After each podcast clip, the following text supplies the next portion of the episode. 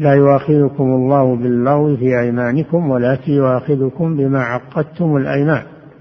فكفارته إطعام عشرة مساكين من أوسط ما تطعمون أهليكم أو كسوتهم أو تحرير رقبة.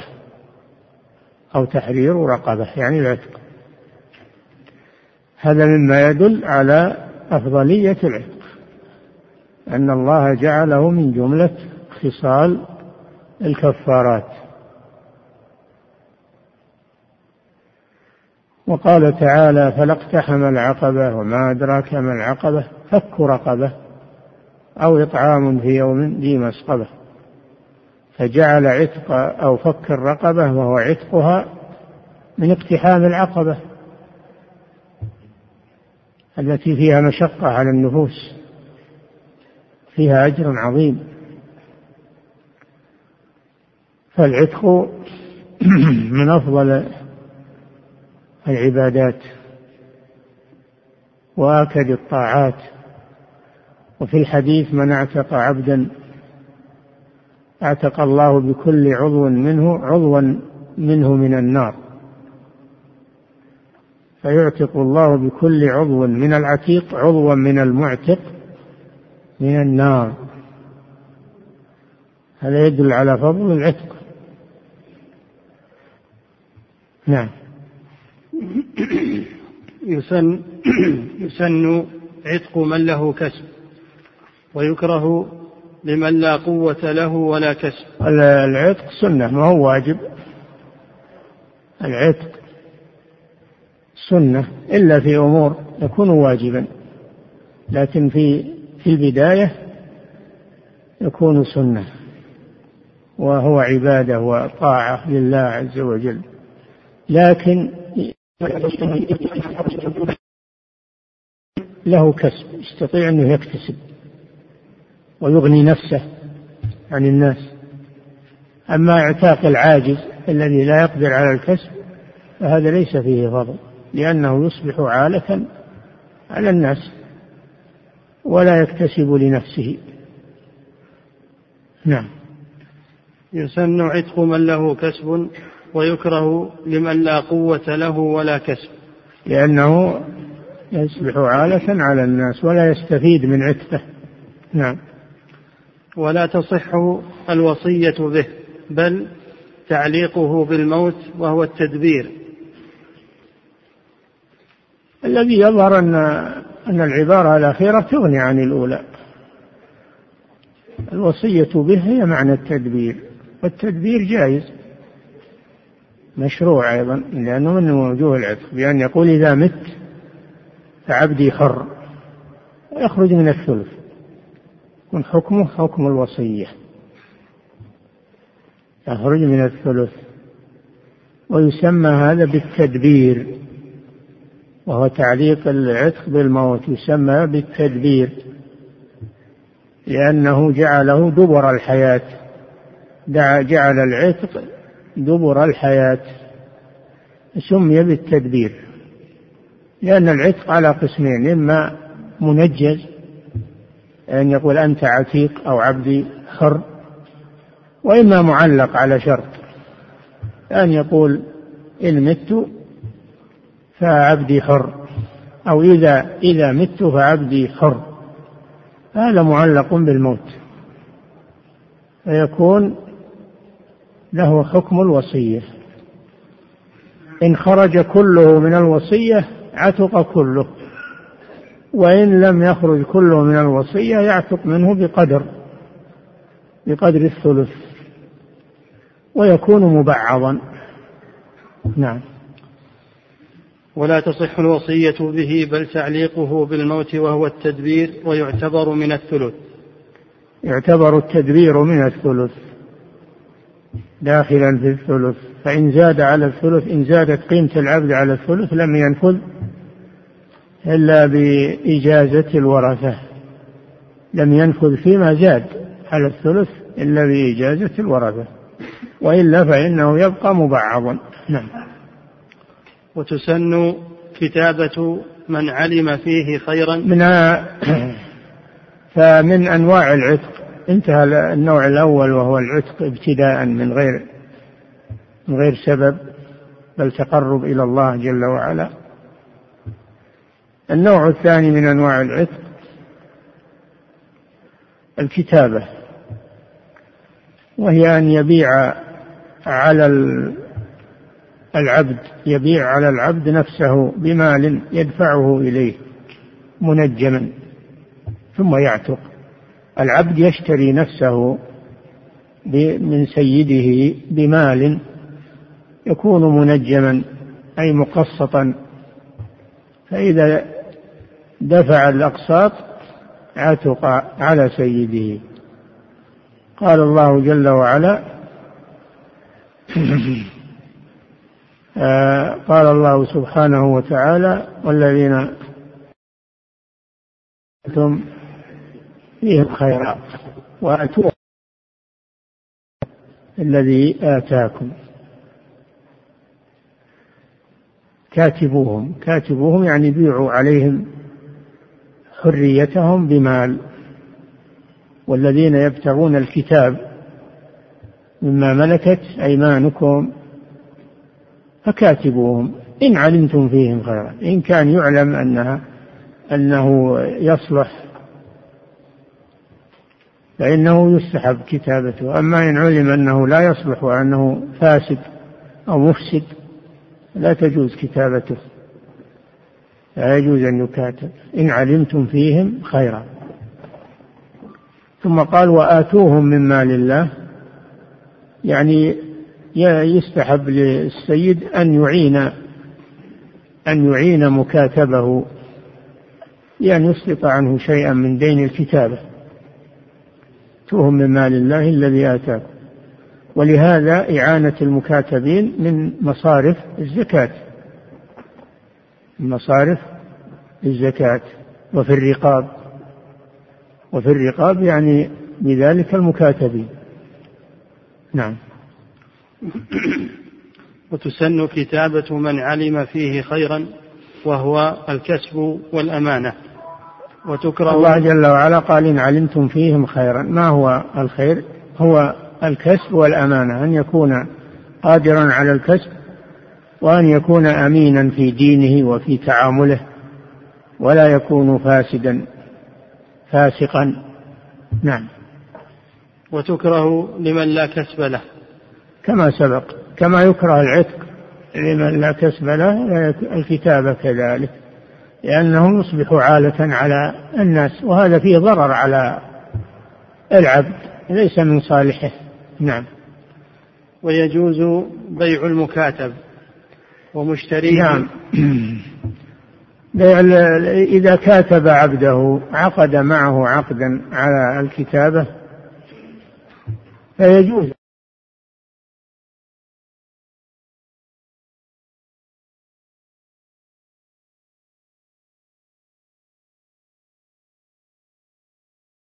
عليه.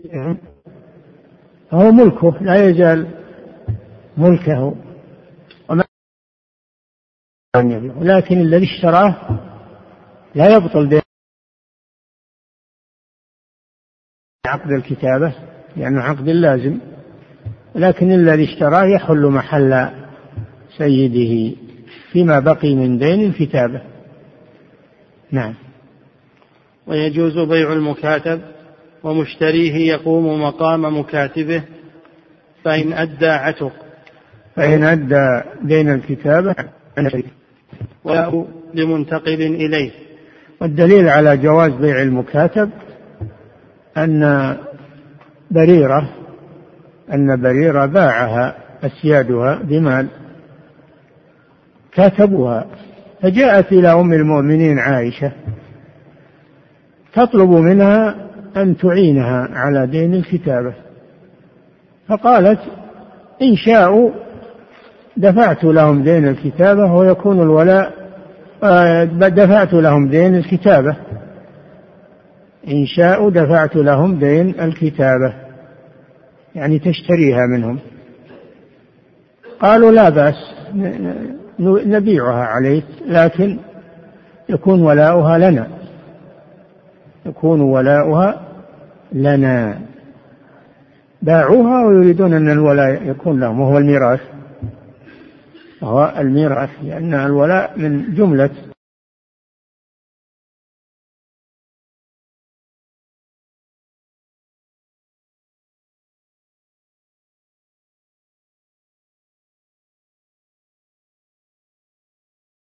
كل كتاب كل شرط ليس في كتاب الله فهو باطل.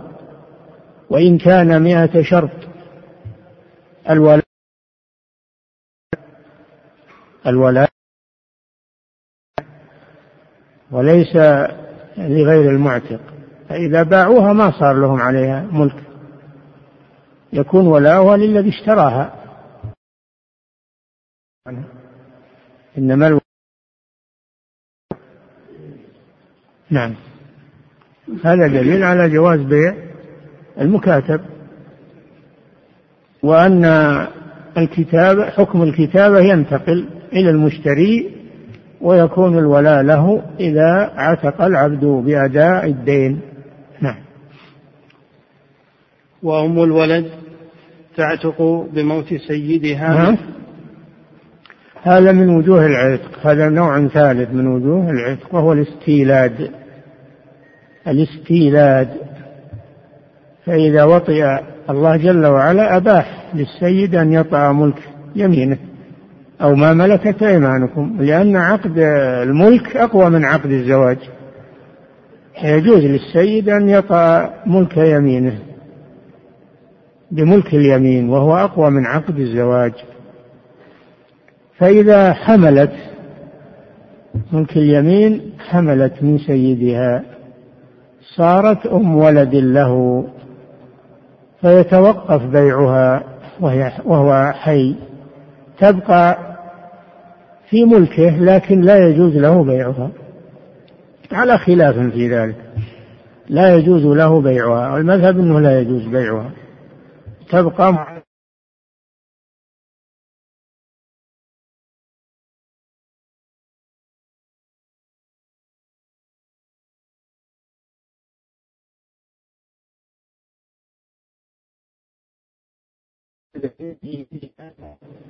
ما يتبين فيه خلق إنسان مضغة مخلقة حينئذ يثبت أنها أم ولد. تبقى في ملك سيدها تخدمه وهي على ما هي عليه حتى يموت فإذا مات عتقت بالاستيلاد. نعم. وأم الولد تعتق بموت سيدها من كل ماله. من كل ماله لا من الثلث لأن سبب لأن سبب العتق انعقد قبل الموت. سبب العتق انعقد قبل الموت. فتكون حرة من جميع. وهي من ولدت ما فيه صورة من هي أم ما, ما هي أم؟ نعم من ولدت. وهي من ولدت ما فيه صورة ولو خفية. فيه صورة إنسان. أن تضع مضغة فيها أعضاء أو تفريض الأعضاء. أن يتبين فيه خلق إنسان. أما إذا كانت مضغة ليس فيها تخطيط الإنسان فلا حكم لها. نعم. وهي من ولدت ما فيه صورة ولو خفية من مالك ولو بعضها أو محرمة عليه أو من ولو من مالك من مالك لها. سواء يملكها كلها أو يملك بعضها وهي المشتركة. فإذا وطئها من له فيها آه، نصيب من الرق صارت ولد عليه. فيضمن لشركائه الآخرين القيمة وتعتق عليه هو. نعم. من مالك ولو بعضها. ومن مالك من مالك ولو بعضها. نعم. من مالك ولو ولو بعضها من مالك ولو بعضها. نعم. من مالك ولو بعضها. اي نعم. يعني يكون الولد من مالك لها. من مالك لها سواء مالكا لها كلها أو مالك لبعضها. وتعتق ويضمن لشركائه قيمة أنصبائهم. تعتق عليه لأنه هو اللي تسبب في عتقها. نعم. أو محرمة عليه أو من أبيه إن لم يكن وطئها الإذن. إذا وطئها أبوه. للوالد أيضا أن يتسرى بمملوكة ابنه لقوله صلى الله عليه وسلم أنت ومالك لأبيك.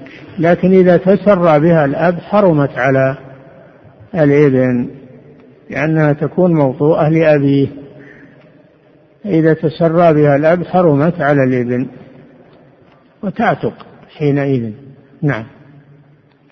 وأحكامها كأمة إلا فيما ينقل الملك في رقبتها. أحكام أم الولد كالأمة ما دام مالكها حيا فهي كالأمة. تكون في ملك سيدها وتخدم وتكون في ملكه إلى أن يموت فحينئذ تعتق نعم.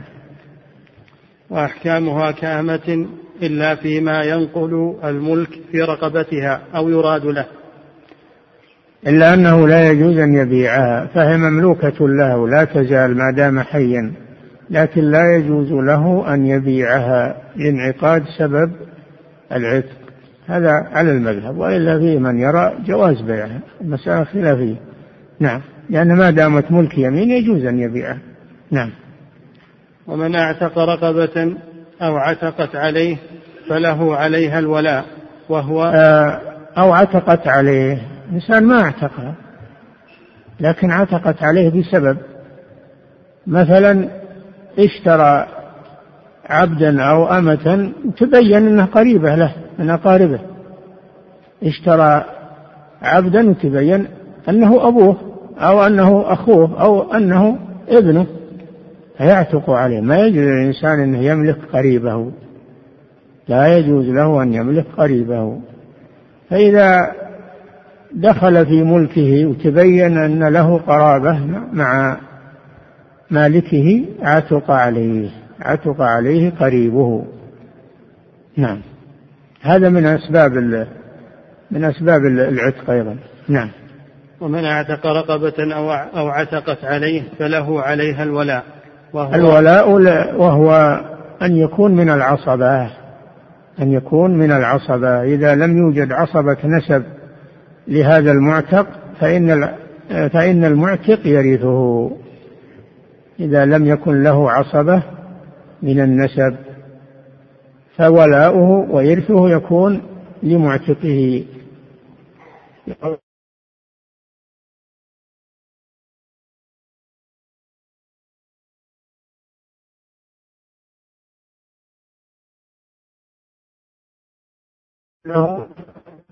ميراثه ولقوله صلى الله عليه وسلم إنما الولاء لمن اعتق. والناظم يقول في أسباب العرف أسباب ميراث الورى ثلاثة كل يفيد ربه الوراثة وهي نكاح وولاء ونسب. جعل الولاء من جملة أسباب الإرث نعم. فله عليها الولاء وهو أن يصير عصبة لها مطلقا عند عدم عصبة النسب. نعم. أولا عصبة النسب إذا وجدوا يقدمون فإذا لم يوجد عصبة نسب فالمعتق يرث بالتعصيب.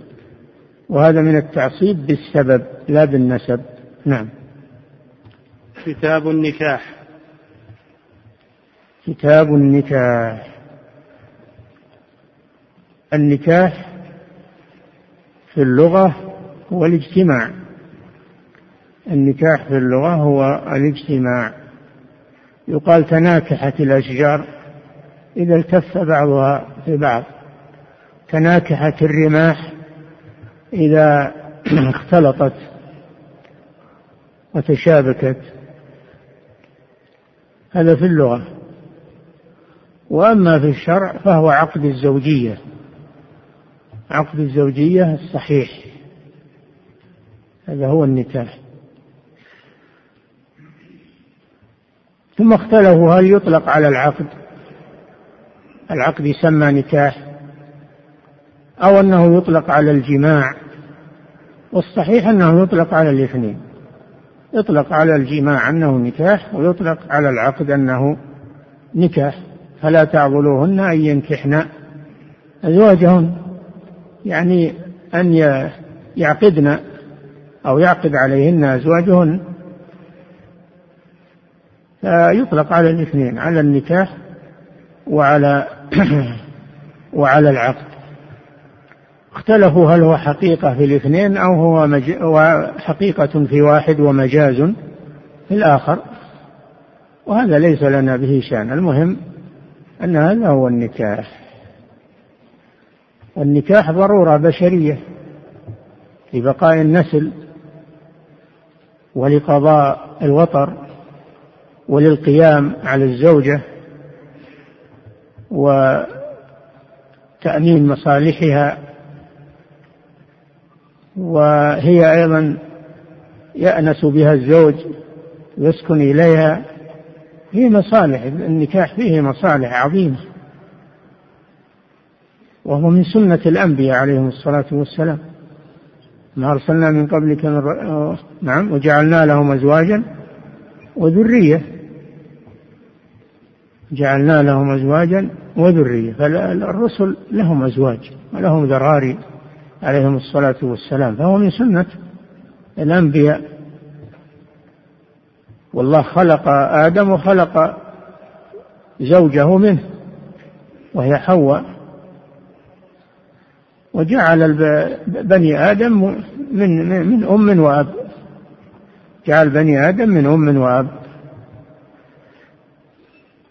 فالنكاح ضرورة للحياة لبقاء النسل ولحماية الفروج. لبقاء النسل ولحماية الفروج من السفاح. ولمصالح الزوجين يستمتع بعضهما ببعض ويأنس بعضهما ببعض وتتكون الأسرة النكاح هو أول أساس الأسرة وينشأ عنه أسرة وأولاد وبذلك يكثر عدد المسلمين. ولهذا قال صلى الله عليه وسلم تزوجوا الودود الولود فإني مكاثر بكم الأمم يوم القيامة. فيه مصالح عظيمة. ولذلك شرعه الله جل وعلا لعباده. نعم. كتاب النكاح يسن مع شهوة لمن لم يخف الزنا. حكم النكاح تأتي عليه الأحكام الخمسة. فيكون واجبا لمن يخاف على نفسه من الزنا. يجب عليه أن يتزوج إذا كان يقدر. وإذا كان لا يقدر فعليه أن يستعفف إلى أن يغنيه الله. وأنكحوا الأيام منكم والصالحين من عبادكم وإمائكم إن يكونوا فقراء يغنهم الله من فضله والله واسع عليم. وليستعفف الذين لا يجدون نكاحا حتى يغنيهم الله من فضله. قال النبي صلى الله عليه وسلم يا معشر الشباب من استطاع منكم الباءة فليتزوج ومن لم يستطع فعليه بالصوم فإنه له وجاه. فيجب على من يخاف على نفسه العنت وهو الوقوع في الزنا. ويستحب لمن فيه شهوة ولا ولكن لا يخاف على نفسه من العنت. فيستحب له أن يتزوج لما فيه من من المصالح العظيمة. لما فيه من المصالح العظيمة. نعم. يسن مع شهوة لمن لم يخف الزنا. مع شهوة لمن لم يخف الزنا. أما إذا كان ما عنده شهوة يباح له أن يتزوج. يصير الزواج مباح له. نعم. ويجب على من يخافه. نعم هذه ثلاثة أحكام. الوجوب والاستحباب والإباحة. نعم. ويسن نكاح واحدة. نعم. واحدة حسيبة دينة أجنبية. نعم. بكر ولود يسن نكاح واحدة. سن نكاح امرأة واحدة. إذا كان إذا كان ليس عنده استطاعة للتعدد ويخاف من الحيف لو عدد الزوجات يخاف من الوقوع في الحيف فهذا تزوج واحد فإن خفتم ألا تعدلوا فواحدة. أما إذا كان أما إذا كان يستطيع العدل بين الزوجات فيباح له أن يتزوج إلى أربع. فانكحوا ما طاب لكم من النساء مثنى وثلاث ورباع. فإن خفتم ألا تعدلوا فواحدة. أو ما ملكت أيمانكم. أما التسري فيتسرى بأكثر من أربع وبأكثر بما شاء. التسري لا حد له. نعم. أما الزواج فهو مقصور على أربع. كانوا في الجاهلية يتزوجون بلا حد. العشر والعشرين و... فلما جاء الإسلام حدده بأربع. لأن الرجل يكون عنده استطاعة. لو قصر على واحدة ما تكفيه. والواحدة يعتريها ما يعتريها من الحيض والنفاس والحمل و... هو بحاجة إلى التعدد. أباح الله له ذلك. لكن بشرط أن يقوم بالعدل بين الزوجات. والعدل يكون في النفقة وبالكسوة وبالسكن وبالمبيت. أربعة أشياء. فإذا استطاع أن يقوم بهذه الأربعة هذا هو العدل. أما العدل الذي هو الحب والشهوة فهذه لا يستطيعها. هذه لا يست... ولن تستطيعوا أن تعدلوا بين النساء ولو حرصتم فلا تميلوا كل الميل فتذروها كالمعلقة فهناك عدل لا يستطاع وهو الحب والشهوة. وهناك عدل يستطاع وهو الأربعة المذكورة. نعم. ويسن نكاح واحدة حسيبة. حسيبة يعني ذات حسب. ما تكون يعني من الناس الذين يكونون ليس لهم قيمة في المجتمع أن تكون لها حسب لأن الحسب يصونها ويرفعها. نعم ما تكون مبتذلة في المجتمع. نعم. دينة. دينة لأن الدينة تصون أولاده وتصون أمانته وبيته فلا يتزوج غير دينة وهي الفاسقة. لا يتزوجها. نعم. أجنبية. أجنبية يعني من غير أقاربه. من غير أقاربه. يقولون لأن الزواج من الأقارب يضعف الأولاد. وهذا غير صحيح. النبي صلى الله عليه وسلم زوج زوج عليا رضي الله عنه ابنته وهي ابنة عمه وتزوج هو صلى الله عليه وسلم من قريش وأقاربه. لا يعني لا صحة لأن الأقارب لا يتزوج منهم. نعم. ذكر. أي نعم ذكر يعني لأنها أمتع. لأنها أمتع له وأرغب عنده ولا يتزوج السيب أيضا. نعم. ولود. ولود. لا يتزوج امرأة لا تلد وهو العاقر لأن من مقاصد النكاح من مقاصد النكاح العظيمة آه الذرية حصول الذرية. فالعقيم لا يتزوجها لأنها لا تنجب. ولا يحصل بها المقصود. يحصل بها مقصود الشهوة فقط ولا يحصل بها مقصود الذرية. نعم. ولمريد نعم. ويسن نكاح واحدة حسيبة دينة أجنبية بكر ولود. ولود يعني كثيرة الإيلاد. نعم. ولمريد خطبة ولهذا وهذا فيه الحديث تزوج الودود الولود. نعم. ولمريد خطبة أو ولمريد خطبة امرأة. ها؟ ولمريد خطبة امرأة. ولمريد خطبة. نعم. ولمريد خطبة امرأة مع ظن إجابة. نظر إلى ما يظهر منها غالبا بلا خلوة. إن أمن الشهوة هذه مسألة النظر نظر إلى المخطوبة. الشارع أباح النظر للخاطب الذي يغلب على ظنه.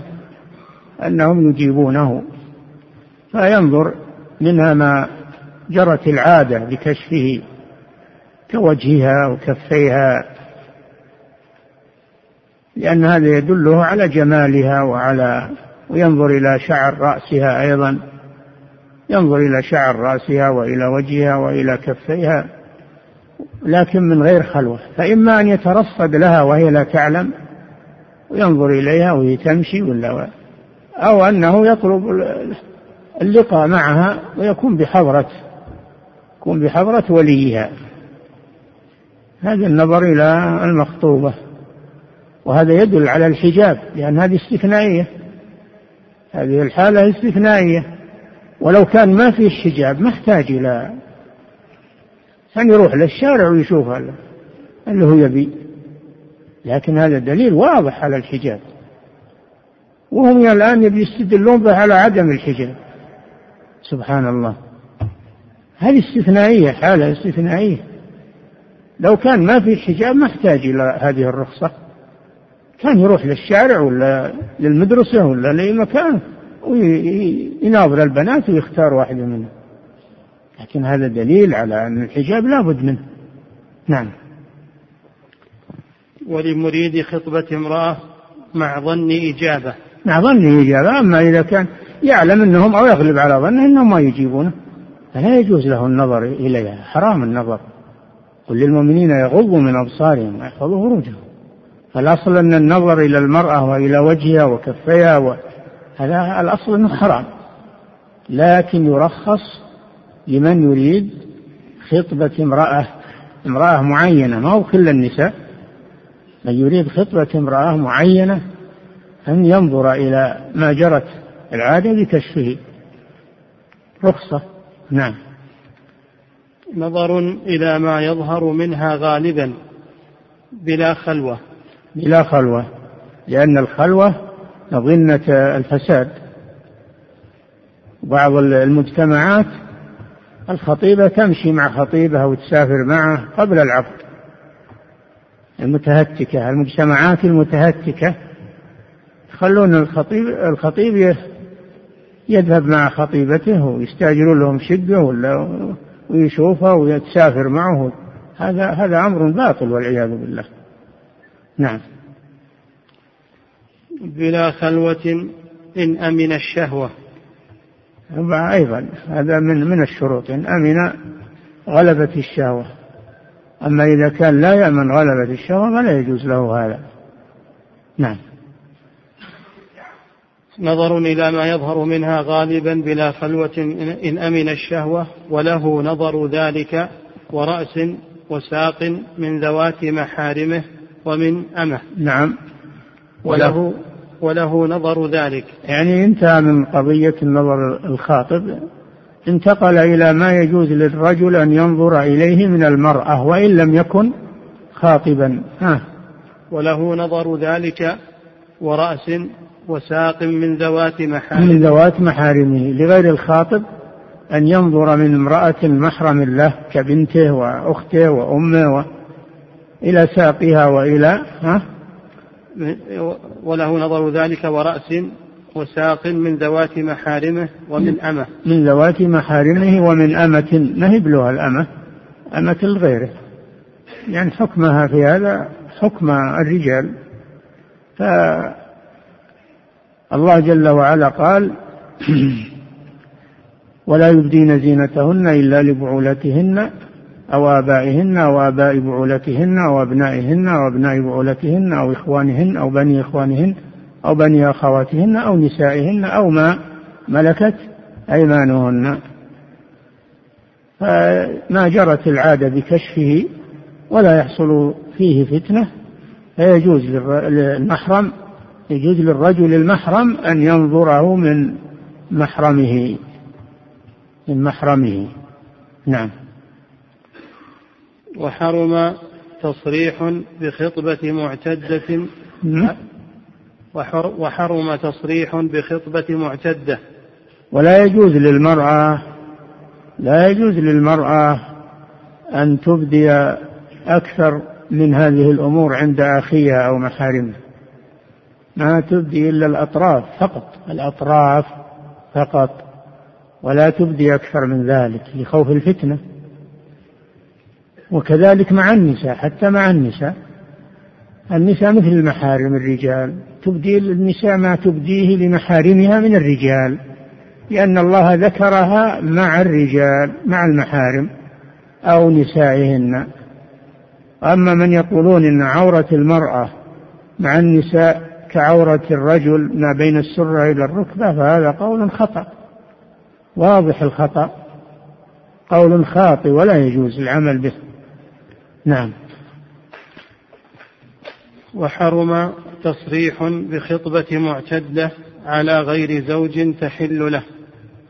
الخطبة الخطبة للمعتدة لا تجوز. الخطبة للمعتدة الخطبة للمخطوبة أيضا. هنا أحوال تحرم فيها الخطبة لا يجوز لك أن تخطب. وحاولوا في الإحرام حالة الإحرام أحوال لا يجوز أن تخطب امرأة فيها. أولا المعتدة. المعتدة من غيره لا يجوز له أن يخطبها ما دامت في العدة. لا يجوز له أن يخطبها ما دامت في العدة. فحرام هذا عليه لأنها ما زالت في عدة المطلق. ولو كان الطلاق بائنا لو كان الطلاق بائنا لا يجوز له أن يخطبها ما دامت في العدة. ولا جناح عليكم فيما عرضتم به من خطبة النساء. تعريض يجوز أما التصريح فلا يجوز. التعريض للمعتدة من غيره يجوز. أن يقول أنا والله أدور امرأة أنا لي رابع أني أتزوج أو ما أشبه ذلك. أنا لو ألقى مثلك كان ودي. هذا تعريض ما هو يعني. لكن يقول أبى تزوجت إن كان لك رغبة أنا أخطبت هذا لا يجوز. ولكن لا تواعدوهن سرا إلا أن تقولوا قولا معروفا. ولا تعزموا عقدة النكاح حتى يبلغ الكتاب أجله. فالمعتدة فيه حرمة الزوج الأول ولو كانت بائنا لا يجوز لأحد أن يخطبها تصريحا وإنما يجوز التعريض فقط. نعم. ولا جناح عليكم فيما عرضتم به. دل على أن غير التعريض أنه فيه جناح أنه حرام. نعم. وحرم تصريح. أما لو كانت البائن من المطلق من المطلق له أن يخطبها ما دامت في العدة. المطلق له أن يخطب ولو كانت بائنا له أن يخطبها ما دامت في العدة. نعم. وحرم تصريح بخطبة معتدة على غير زوج تحل له. نعم. وتعريض بخطبة رجعية. والرجعية لا يجوز خطبتها لا تعريضا ولا تصريحا لأنها زوجة. إذا كانت مطلقة دون الثلاث على غير عوض فإنه لا يجوز لأحد أن يخطبها حتى تخرج من العدة لا تصريحا ولا ولا تعريضا. أما جواز التعريض إنما هو في الباين فقط. نعم. وخطبة على خطبة مسلم. هذه الحالة الثانية. عرفنا المعتدة لا تجوز المعتدة الباين لا تجوز خطبتها لغير مطلقها. الحالة الثانية ها؟ وخطبة على, على خطبة أخيه فإذا عرفت أن فلانا خطب فلانة فلا تقدم أنت على خطبتها حتى يرد فإذا رد تقدم أنت. إذا علمت أنهم ردوه تقدم أنت. أما ما دمت لا لم تعلم أنهم ردوه ولا أجابوه توقف لأن المسلم له حرمة. وقد سبقك إلى هذه المرأة فلا يجوز أن تفسد الخطبة عليه الخطبة الخطبة عليه. هذا حق المسلم. لا يخطب أحدكم على خطبة أخيه. نعم. وخطبة على خطبة مسلم أجيب. نعم. وسن عقده يوم الجمعة. أما إذا لم يجب فلا مانع. نعم. وسن عقده يوم الجمعة. وكذلك من تحريم من الأحوال التي تحرم فيها الخطبة حالة الإحرام. حالة الإحرام من الخاطب أو من المخطوبة. فالمحرم لا يخطب امرأة. يقول واحد زوجا بنتك ولا أختك وهو محرم. لا يجوز هذا.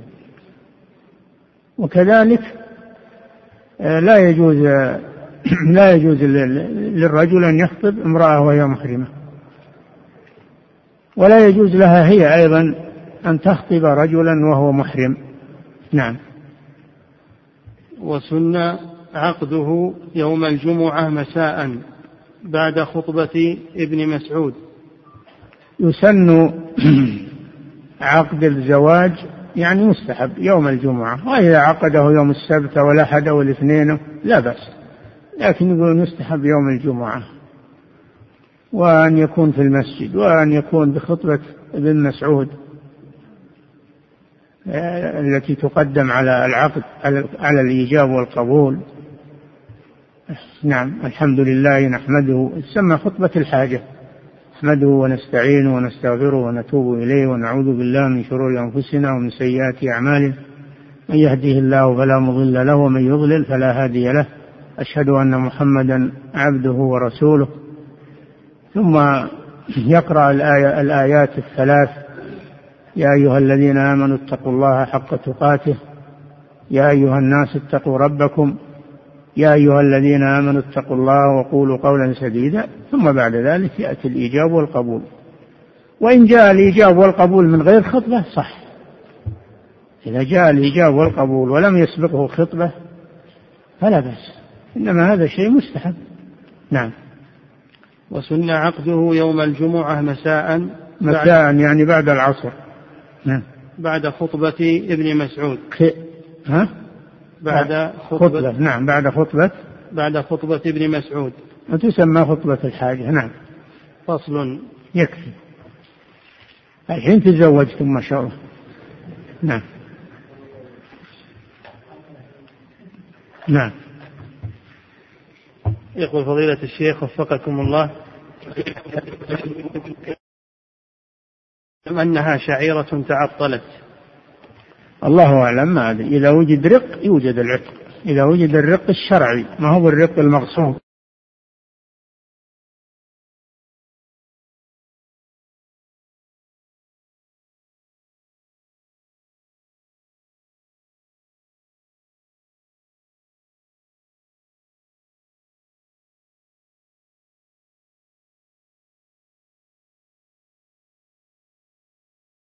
فضيلة الشيخ قرأت في إحدى حواشي دليل الطالب أنه لم يتكلم عن الرق لأنه لا يحتاج إليه في هذا العصر. نعوذ بالله. تلغى الأحكام الشرعية. يأتي وقت يحتاج إليه. يجي الجهاد إن شاء الله وتأتي أحكام الجهاد. نعم. يقول فضيلة الشيخ وفقكم الله من قال بأن الإسلام لم يأتي بالرق وإنما وافق عادة العرب. هذا كلام باطل هذا كلام باطل يقوله الجهال الذين يريدون أن يدافعوا عن الإسلام بزعمهم وهذا ما هو بدفاع به هذا ما هو دفاع عن الإسلام هذا جحود لحكم من أحكام الإسلام مجمع عليه دل عليه الكتاب والسنة فهذا كلام جاهل ولا يلتفت إليه. نعم. يقول فضيلة الشيخ وفقكم الله يقول جدي أوصى بعتق رقبة. ونحن ونحن نريد تنفيذ هذه الوصية لكننا لم نجد رقبة لنعتقها. فما التوجيه في ذلك؟ تراجعون القاضي لأن هذه وصية. تراجعون القاضي في المحكمة ويشوف لكم حل إن شاء الله. نعم. يقول فضيلة الشيخ وفقكم الله هل الأطفال والنساء يخيرون من الكفار أم أنهم يسترقون من غير تخيير؟ لا ما ما يخيرون.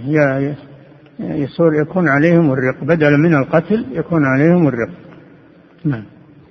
يقول فضيلة الشيخ وفقكم الله هل يجوز لمن اشترى المكاتب أن ينقض عقد الكتابة؟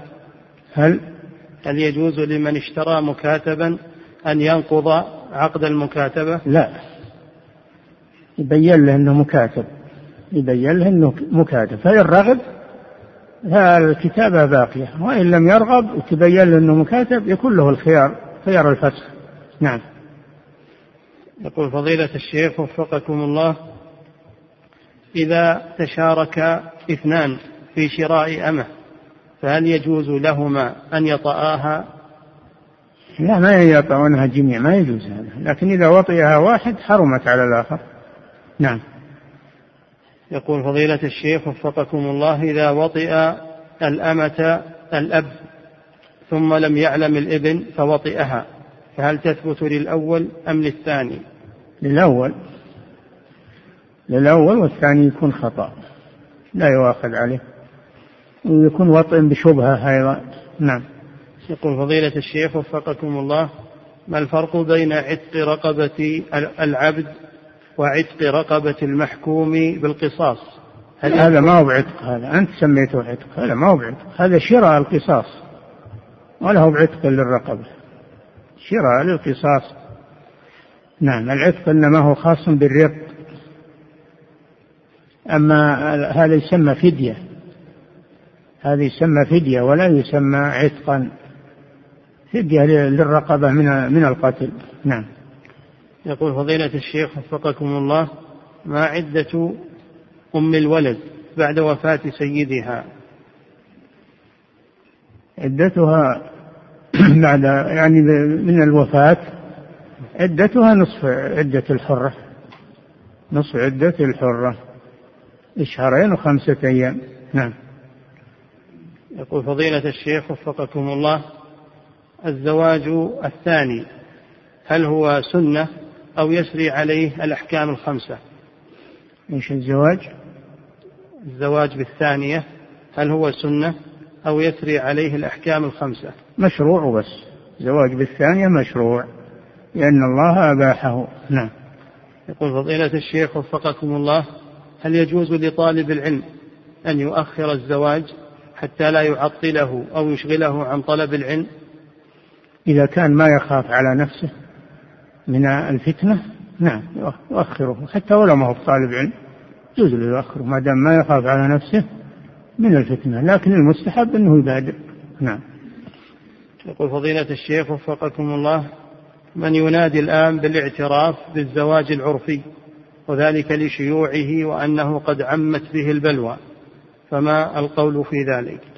ما هو الزواج العرفي؟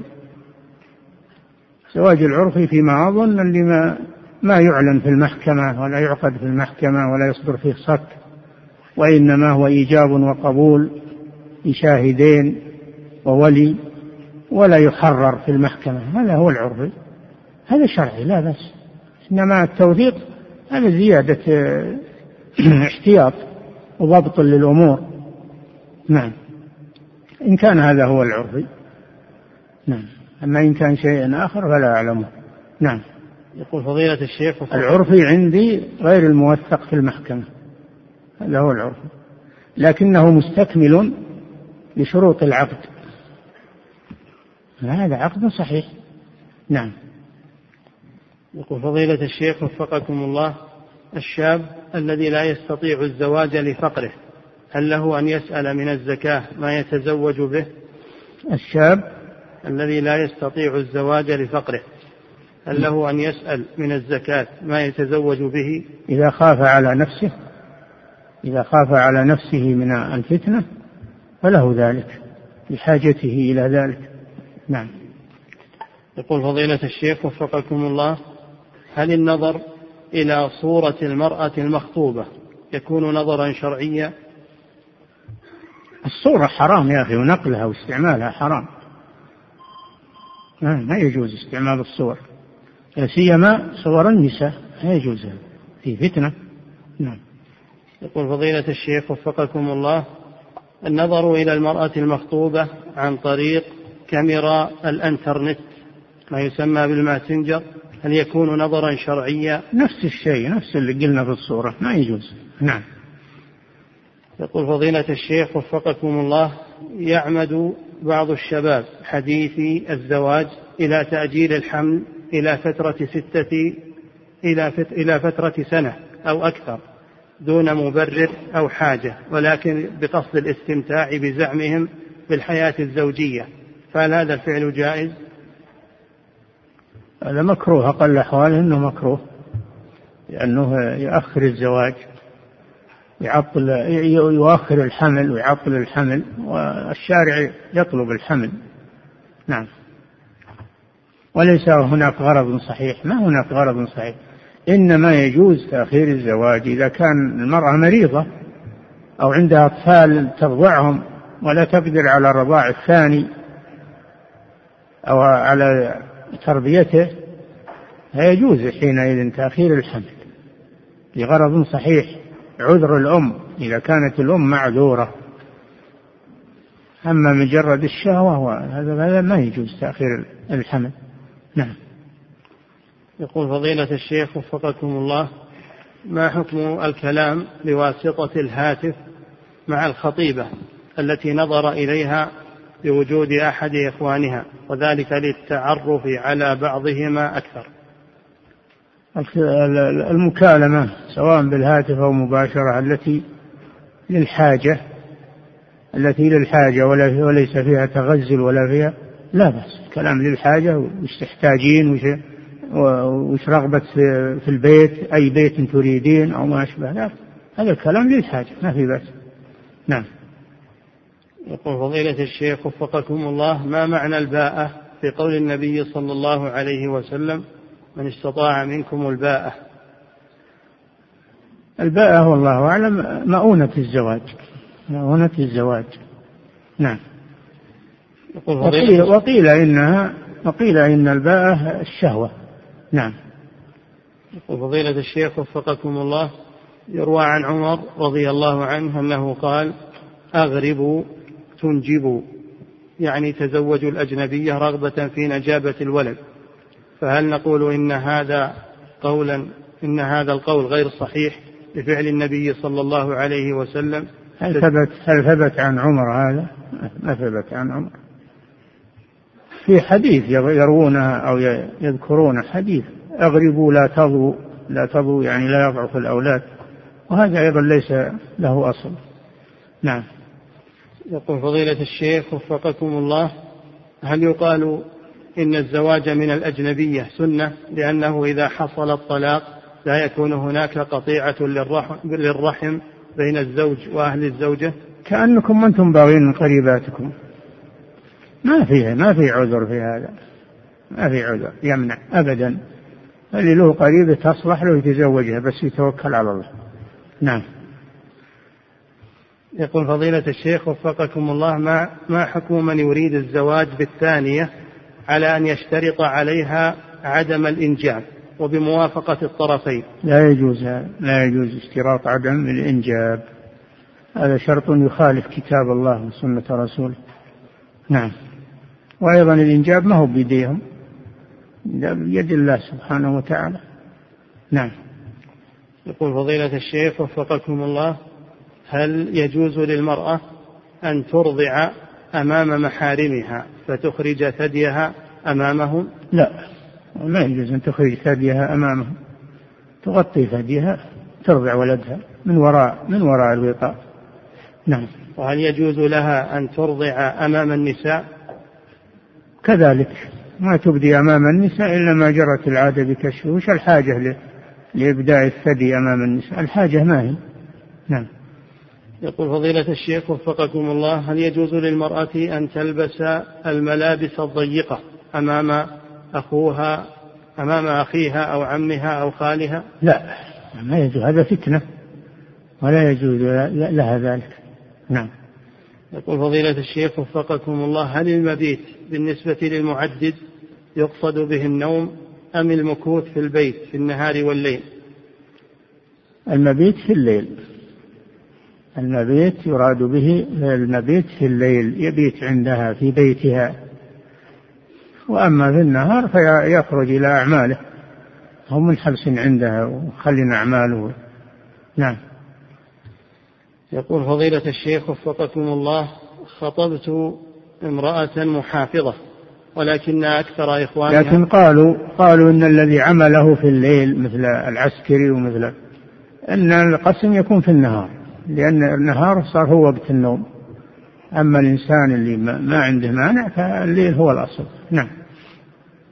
يقول فضيلة الشيخ وفقكم الله خطبت امرأة محافظة ولكن أكثر إخوانها لا يصلون وأنا أخاف في المستقبل على أبنائي فبماذا تنصحونني وفقكم الله؟ ما دام أنك تخاف اتركها والنساء كثيرات ولله الحمد. البيوت مليانة ما هي عشان النساء فيها قلة. نعم. يقول فضيلة الشيخ وفقكم الله هل العنق مما يحرم رؤيته على محرم المرأة؟ العنق جرت العادة بكشفه ما يحرم. جرت العادة بكشف مقدم العنق. نعم. يقول فضيلة الشيخ وفقكم الله هل يجوز خطبة المرأة للرجل؟ وإذا أرادت ذلك فكيف تفعل على الوجه الشرعي؟ يجوز للمرأة أو لوليها أن يخطب الزوج لها. إذا رأى كفوا صالحا يجوز أن يخطب لها. والطريقة يعرفون هذا يوصون له أحد ولا يكتبون له ولا نعم. يقول فضيلة الشيخ وفقكم الله ماذا يرد للخاطب إذا كان قد دفع مبلغا من المال والهدايا إذا ترك خطيبته وهو كاره؟ وهو كاره. كاره؟ نعم. كاره إيش؟ ترك الخطبة. كاره يقول كاره وهو كاره. إيه كاره. اي وش معنى كاره؟ كاره إيش؟ نعم. ما هو إذا ترك خطيبته وهو كاره. يصلح وياه ولا يروحون للمحكمة؟ نعم.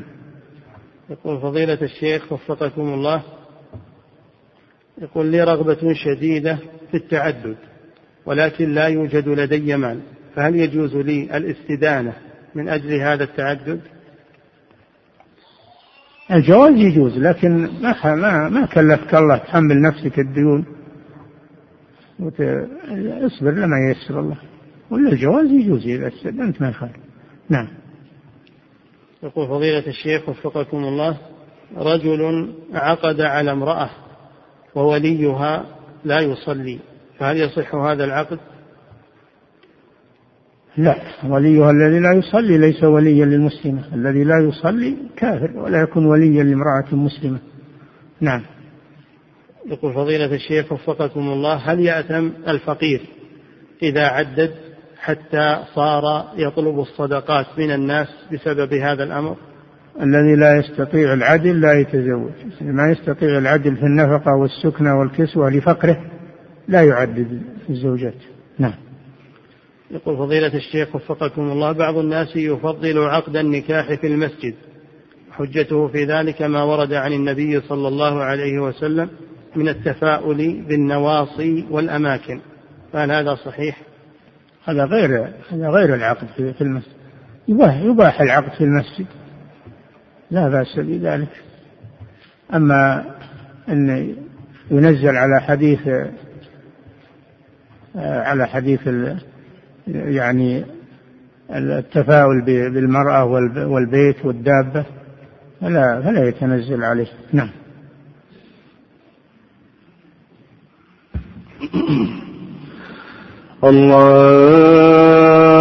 الله أكبر الله أكبر الله أكبر الله أكبر أشهد أن لا إله إلا الله أشهد أن لا إله إلا الله. أشهد أن محمد رسول الله. أشهد أن محمد رسول الله. حي على الصلاة. حي على الصلاة. حي على الفلاح حي على الفلاح. الله أكبر الله أكبر. لا إله إلا الله لا إله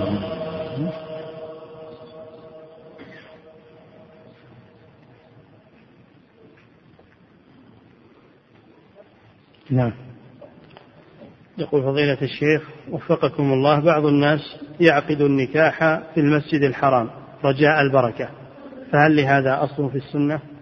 لا أعرف شيء من أنه يخصص المسجد الحرام.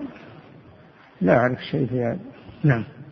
يقول فضيلة الشيخ وفقكم الله الزواج العرفي المتعارف عليه في خارج هذه البلاد عند أكثرهم هو الزواج غير مكتمل الشروط حيث يكون بين الشاب والفتاة فقط دون ولي وشهود.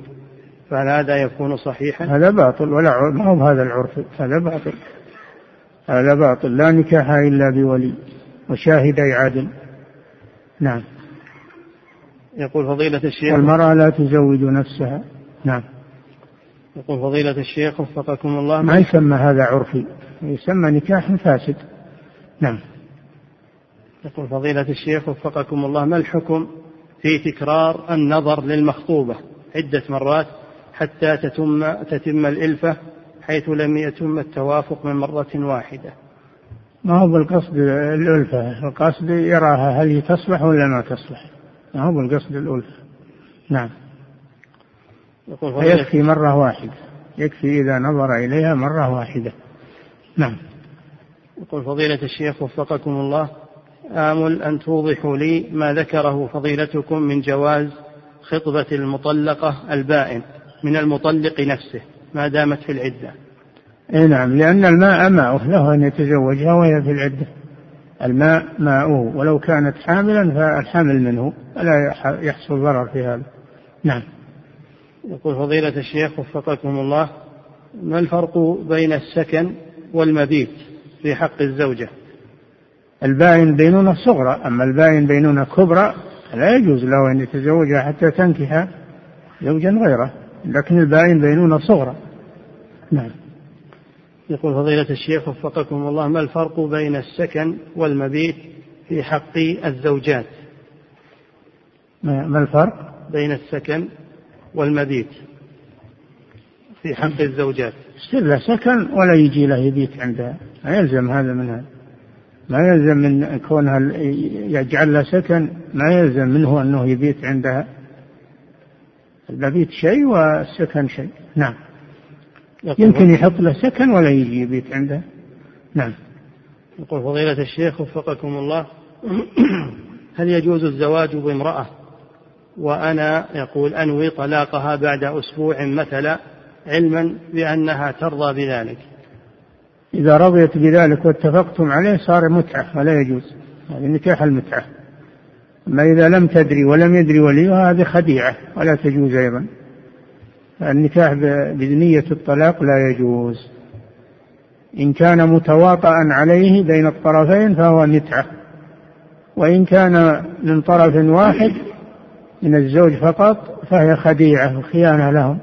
نعم.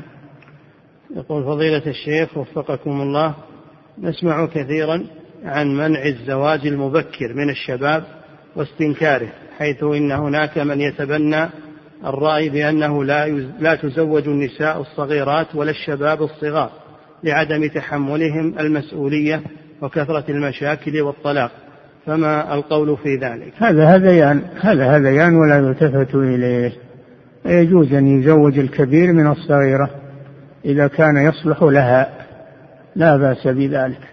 وهذا من حظها نعم. يقول فضيلة الشيخ وفقكم الله ما الحكم في استعمال حبوب منع الحمل؟ إذا كان لغرض صحيح لأن يتأجل الحمل ولا يقطع الحبوب اللي تقطع الحمل لا تجوز. أما الحبوب اللي تأجله فقط هذه تجوز عند الحاجة. نعم كما سبق. نعم. يقول فضيلة الشيخ وفقكم الله ما حكم مصافحة ولي المرأة؟ ما حكم المصافحة بين ولي المرأة والزوج حين العقد؟ وما حكم قراءة سورة الفاتحة؟ قراءة الفاتحة لا أصل لها في العقد هذا عند العوام. يقولون على أساس ما تقرأ عليك الفاتحة يعني ما تزوجين هذا ما ما له أصل هذا. وش غيره؟ مصافحة. مصافحة لأجل السلام. بعد ما تنسلمن عليه. مصافحة من أجل السلام ما فيها بس نعم. حين العقد يا شيخ. لا حين العقد ما له إذا كانوا يرون أنه من العقد أو من لازمة العقد أما إذا كان يرون أنه من السلام فلا بأس. نعم. يقول فضيلة الشيخ وفقكم الله هل يجوز التصدق بجزء من الكبد؟ ها؟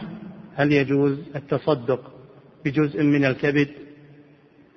هذا نقل الأعضاء هذا مسألة نقل الأعضاء وهذا صادر فيه قرار من هيئة كبار العلماء أنه يجوز بشروط. أن لا يتضرر من نقل منه وأن يكون فيه مصلحة للمنقول إليه وأن يكون بالاختيار والرغبة بدون إجبار أو إكراه. نعم. يقول فضيلة الشيخ وفقكم الله صليت اليوم الظهر ركعتين لأنني مسافر. هذا صليت اليوم الظهر ركعتين لأنني مسافر. وهذا اليوم لي هو اليوم الرابع. فهل صلاتي صحيحة؟ علما بأنني قد نويت السفر بالأمس لكنني قررت أن أجلس زيادة يومين. فهل أستمر في قصر الصلاة؟ لا ما تستمر في القصر أربعة أيام فأقل. أما ما زاد عن أربعة أيام وأنت ناوي هذا ما ما ما تقصر.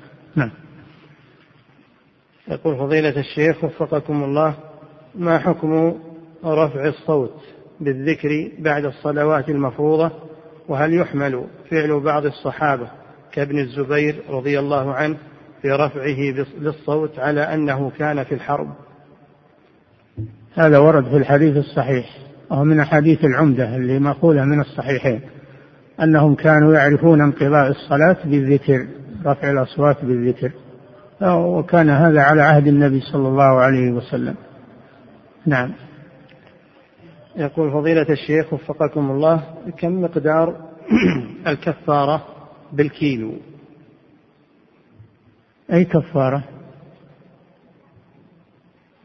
ما نعم. ما ذكر شيئا. كفارة بالكيلو. الكفارة تختلف منها طعام ستين مسكين ومنها طعام عشرة مساكين ومنها طعام ستة مساكين. اللي يعطى المسكين في الكفارات المقدار الذي يعطاه المسكين في الكفارات المذهب عند فريق من أهل العلم أنه مد ربع الصاع. والذي عليه الفتوى الآن أنه نصف الصاع يعني كيلو ونصف. نعم. يقول فضيلة الشيخ وفقكم الله يا شيخ يقول أريد الزواج ولكن هناك أشياء تعيق زواجي كتوفير السكن. نعم. يقول يا شيخ أريد الزواج ولكن هناك أشياء تعيق زواجي. أنا أسمع كلام ناس يتكلمون اللي يتكلمون يطلعون عن المسجد. يطلعون عن المسجد للشارع ويتكلمون لما إنهم يعجزون. أما في المسجد ما هو محل كلام لا سيما وقت الدرس. الله يهديكم. نعم. يقول يا شيخ أريد الزواج ولكن هناك أشياء تعيق زواجي كتوفير السكن فما توجيهكم لي؟ حفظكم الله. نعم. يقول أريد الزواج ولكن هناك أشياء تعيق زواجي كتوفير السكن. اصبر اصبر لما تزول الموانع وتزود إن شاء الله. نعم. يقول فضيلة الشيخ وفقكم الله بالنسبة للحائض عند اغتسالها من الحيض نعم. هل يلزم أن تنقض شعرها عند الاغتسال؟ لا الحيض لأنه يتكرر. الحيض لأنه يتكرر لا الجنابة نعم. الجنابة لا تنقضه لكل غسل من الجنابة لأن هذا يتكرر ويشق عليها. أما الحيض نعم تنقضه. الحيض لأنه لا يعني ليس متكررا قريبا وإنما بعد فترة هذا تنقض رأسه. نعم. يقول فضيلة الشيخ وفقكم الله أنا من خارج هذه البلاد وقد لاحظت عندنا على بعض القبور أنه يعمل صبة بالإسمنت بقدر متر طولا في نصف متر عرضا مع كتابة اسم الميت عليها. وتاريخ وفاته وبعض الجمل كاللهم ارحم فلانا. فما حكم مثل هذا العمل؟ هذا العمل حرام. نهى عنه الرسول صلى الله عليه وسلم. نهى عن الكتابة على القبور. ونهى عن إسراجها. ونهى عن البناء عليها. لأن هذا وسيلة من وسائل الشرك وتعظيم الميت.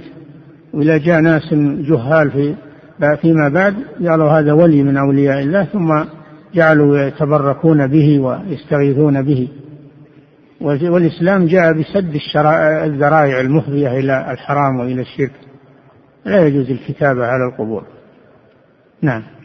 يقول فضيلة الشيخ وفقكم الله امرأة تقول ظهر حديثا طريقة جديدة لعمل الكحل وتحديد الشفة بطريقة الوشم المؤقت الذي تصل مدته إلى ستة أشهر أو سنة. وذلك بدلا من الكحل العادي. فهل يجوز للنساء أن يتعاطين ذلك؟ الوشم محرم مطلقا ولم يفصل فيه أنه لمدة سنة أو طول العمر أو لعن الواشمة والمستوشمة ولم يوقت بوقت. لا يجوز هذا. نعم. يقول فضيلة الشيخ وفقكم الله من الشروط الواجبة في المحرم من الرجال لكي يسافر مع المرأة؟ نعم. ما الشروط؟ أن يكون بالغا عاقلا أن يكون محرمها يكون من محارمها وأن يكون بالغا وعاقلا. نعم. يقول فضيلة الشيخ وفقكم الله كذلك عند ركوب المرأة مع السائق داخل البلد ومعها ولدها أو ابنتها وأعمارهم لم تتجاوز العاشرة لكنهم مميزون فهل تنتفي الخلوة بذلك؟ لا ما تنتفي الخلوة بذلك. نعم.